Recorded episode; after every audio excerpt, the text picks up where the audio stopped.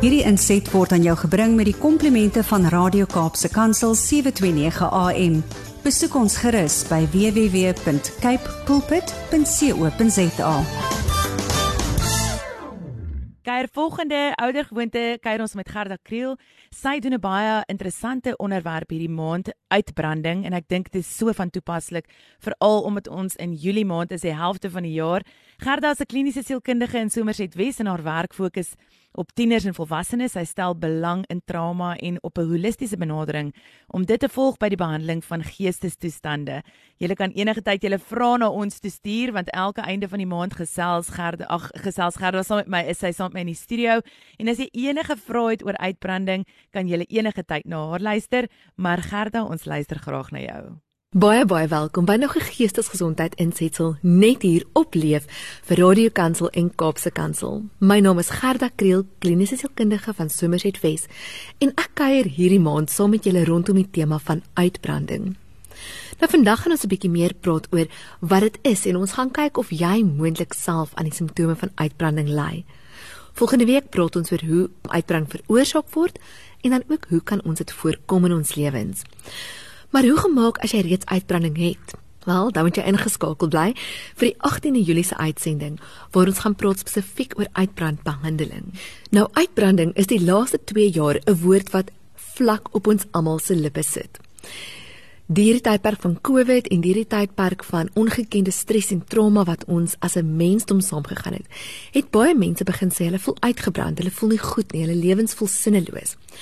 En ek wil vandag bietjie dieper delf oor presies wat uitbranding is en hoe dit lyk. Uitbranding is 'n toestand van emosionele, fisiese en kognitiewe uitputting wat veroorsaak word deur 'n verlengde tydperk van stres en spanning. Nou uitbranding is baie sneaky. Dit gebeur nie sommer oornag nie. Nee nee. Dit gebeur stelselmatig.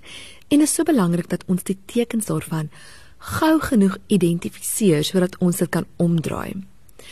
Tekens van uitbranding is dat jy oorweldig voel, emosioneel leeg en gedreineer voel en voel dat jy nie jou alledaagse gewone verpligtinge kan nakom nie. Nou, die meeste van ons wat ons doen is ons probeer deurdruk, nê? Nee? Ons probeer vir onsself sê dat die Here het ons tot alles in staat gestel en ons moet net aanhou, ons moet net deurdruk.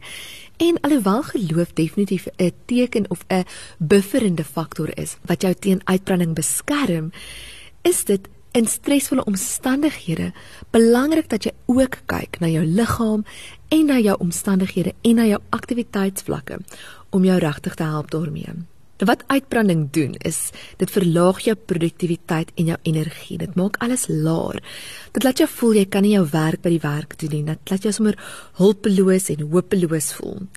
Dit is ook baie maklik as jy uitgebrand is om sinies en wrokkig te begin voel. Jy weet jy's eintlik wrokkig en kwaad vir mense wat die lewe makliker het as jy. Of jy voel wrokkig teenoor die regering of teenoor die siekte of teenoor wat ook al dit is wat jou spanning veroorsaak. Dit kan vir jou laat voel asof jy niks meer het om te gee nie. En uitbranding uiteindelik as ek dink in my praktyk en as ek dink aan wat ek sien, is dat mense dikwels leeg voel heeltemal leeg getap. En as ons dink aan daardie sêding wat sê dat jy tog ook jou eie tentjie van tyd tot tyd moet volmaak, is dit belangriker as ooit om te begin sien wanneer jou tentjie onder sy halfpad merk kom, sodat jy vinnig kan optree en nie heeltemal uitgebrand word nie. Dat die negatiewe effekte van uitbranding kan oorspoel in elke area van jou lewe. Dit kan uitspoel in jou werk, in jou huis en sosiaal. Sien wanneer jy uitgebrand is, dan is dit soveel makliker vir jou om heeltemal te onttrek. Jy jy kyk weg van jou vriende en jou familie af. Jy jy kom nie by hulle uit nie. Jy vermy dit om sosiaal te verkeer. Selfs met mense wat van tevore vir jou so belangrik is, wil jy net eenvoudig nie die tyd spandeer nie. En as ons daaraan dink dat uitbranding daardie leegheid is, as ons daaraan dink dat uitbranding daardie gevoel van jy het niks meer om te gee is nie, dan maak dit soveel sin. Dit sal ook maak dat jy jou werk nie so effektief kan doen soos altyd nie. Jy sal miskien 'n bietjie meer hulle praat van procrastination, nê, uitstel.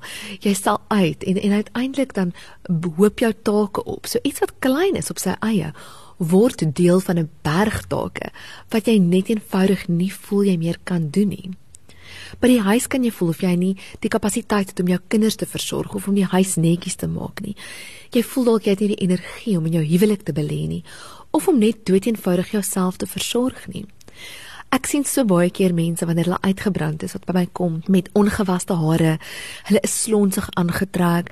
Hulle naels is onversorg. Partykeer in die somer kan ek hulle toenails sien en dan strek hulle toenails al verby hulle skoense punte. En weet jy, dit is so 'n teken of dat jy nie eers die kapasiteit om net 'n bietjie vir jouself om te gee en vir jouself te sê, "Hey, jy's dit werd. Jy mag ook versorg wees nie." Dis soos ek gesê het, uitbranding gebeur stukkie vir stukkie dag vir dag. Dis amper soos 'n 'n venster wat vuil word, nê? Nee? Ons besef eers die venster is vuil wanneer ons nie meer lekker deur hom kan sien nie. Maar oor 'n tydperk het daar 'n bietjie stof opgekom en dan 'n bietjie reendruppels en dan 'n bietjie modder en dan het 'n voël daarin vasgevlieg en dan het 'n kinderhandjie daar gaan vat. Al daardie la en la en la veroorsaak later dat jy nie meer helder deur 'n venster kan kyk nie. En dis dieselfde met uitbranding elke stukkie spanning, elke stukkie stres, elke nuwe verantwoordelikheid of ou verantwoordelikheid waarin jy vaskyk, maak dat jy nie meer die wêreld kan sien soos wat die wêreld regtig is nie en laat jou voel asof niks ooit weer kan verander nie. Nou as jy dink dat jy moontlik aan hierdie simptome ly, moegheid, hopeloosheid, jy voel jy kan nie opstaan uit die bed uit nie. En ek wil hê julle moet fyn luister want dit klink ook baie na die simptome van depressie.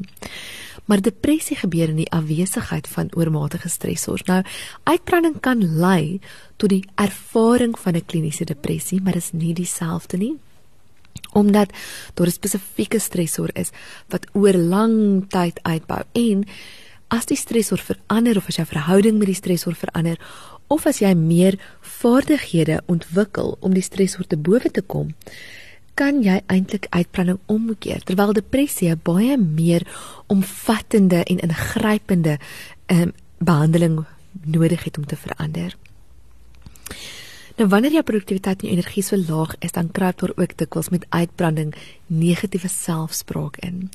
Jy sê vir jouself, "Ag, ek is so useless. Hoekom kan ek nie net die energie bymekaar kry om op te staan en aan te gaan en net te beweeg nie?" Maar ons moet onthou dat wanneer enige mens met iets gefeis word wat hulle huidige omstandighede, wat hulle huidige coping skills ek wil sê oorweldig, dan gaan hulle nie kan funksioneer soos normaal nie. So ek wil jou vra om om ook 'n bietjie genade aan jouself uit te reik. Daar was kinders van die Here is ons gedrench in genade. Dit is die dit is die taal wat ons praat, is die taal van genade en tweede kansse. En daar is niks daarmee fout om te sê ek het nodig om 'n breek te vat en weg te kom en net 'n bietjie tweede kans myself te gee nie. Somstyds is uitbranding so skelm dat jy dit nie aan jou eie lyf agterkom nie, maar eerder aan die kwaliteit van jou verhoudings wat stelselmatig agteruit gaan. Jy's dalk bietjie meer knorrig met jou man of 'n bietjie meer happerig met jou kinders of jy reageer nie meer op jou vriende se boodskappe nie want jy weet wat hulle te sê het is in elk geval jy wil dit nie hoor nie. En so stukkie vir stukkie verweer jou verhoudings. En daarom is die geliefdes in ons lewens en die mense met wie ons in verhouding is, dikwels 'n barometer wat vir jou kan sê hoe lyk jou gesondheid? Is jy besig om uit te brand of is jy nie? En weer belangrik dat jy aanpassings maak waar die aanpassings so brood nodig kan wees. Nou uitbranding kan met enige een van ons gebeur op enige tyd, maar daar is beslis mense wat meer geneig is daartoe. Een van die mites wat ons het is dat mense wat in die bediening staan nooit uitgebrand kan word nie. Maar ek het interessant genoeg in die kerkbode hierdie week gelees dat dit juis predikante en pastore is wat dikwels sukkel met uitbranding omdat hulle so alleen voel in die amp. As jy dus iemand ken wat jy kan sien 'n bietjie alleen voel in hulle beroep en en dalk 'n geestelike persoon is, ondersteun hulle ook op 'n fisiese manier. Julle ons is nie net gees nie. Ons is vlees en ons is gees. En dit is so belangrik dat ons ons vlees ook ondersteun terwyl ons nog hierdie kant van die hemel is. Ons as gelowiges is geroep om die lig en die sout in die wêreld te wees. En wanneer jy uitgebrand is, voel dit vir jou jy kan dit nie wees nie. Nou gelukkig vir julle gaan ek volgende week bietjie meer praat oor wat jy kan doen wanneer jy uitgebrand is en hoe jy dit kan identifiseer en hoe jy kan weet wat dit veroorsaak in jou lewe sodat jy jou leefstyl kan inpas of jou leefstyl kan aanpas op 'n manier wat uitbranding eintlik heeltemal kan voorkom. Is dit moontlik? Ja, jy gaan hoor dit is moontlik. Nou as jy vandag na my geluister het en jy voel jy is daardie mens, jy is daardie mens wat net niks meer het om te gee nie. Jy is daardie mens wat net voel jy kan nie opstaan in die oggend nie. Jy weet nie hoe jy deur die dag gaan kom nie. Jy's leeg. Werk voel vir jou soos 'n berg. Die huis voel vir jou soos 'n berg. Wil ek jou vra om 'n bietjie stil te gaan raak, net introspeksie te doen en te gaan kyk, is daar dinge in jou lewe wat vir jou voortdurende spanning veroorsaak?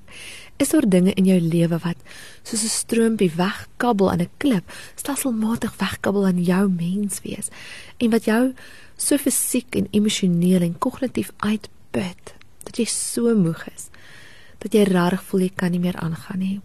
Nou as jy daardie ding kan identifiseer in hierdie week, dan jy volgende week bietjie luister oor watter verskille, watter aanpassings jy kan maak in jou lewe sodat jy hierdie gevoel, hierdie uitbrand moe gevoel regtig hok kan slaan en weer voluit kan lewe soos wat die Here vir jou beplan het.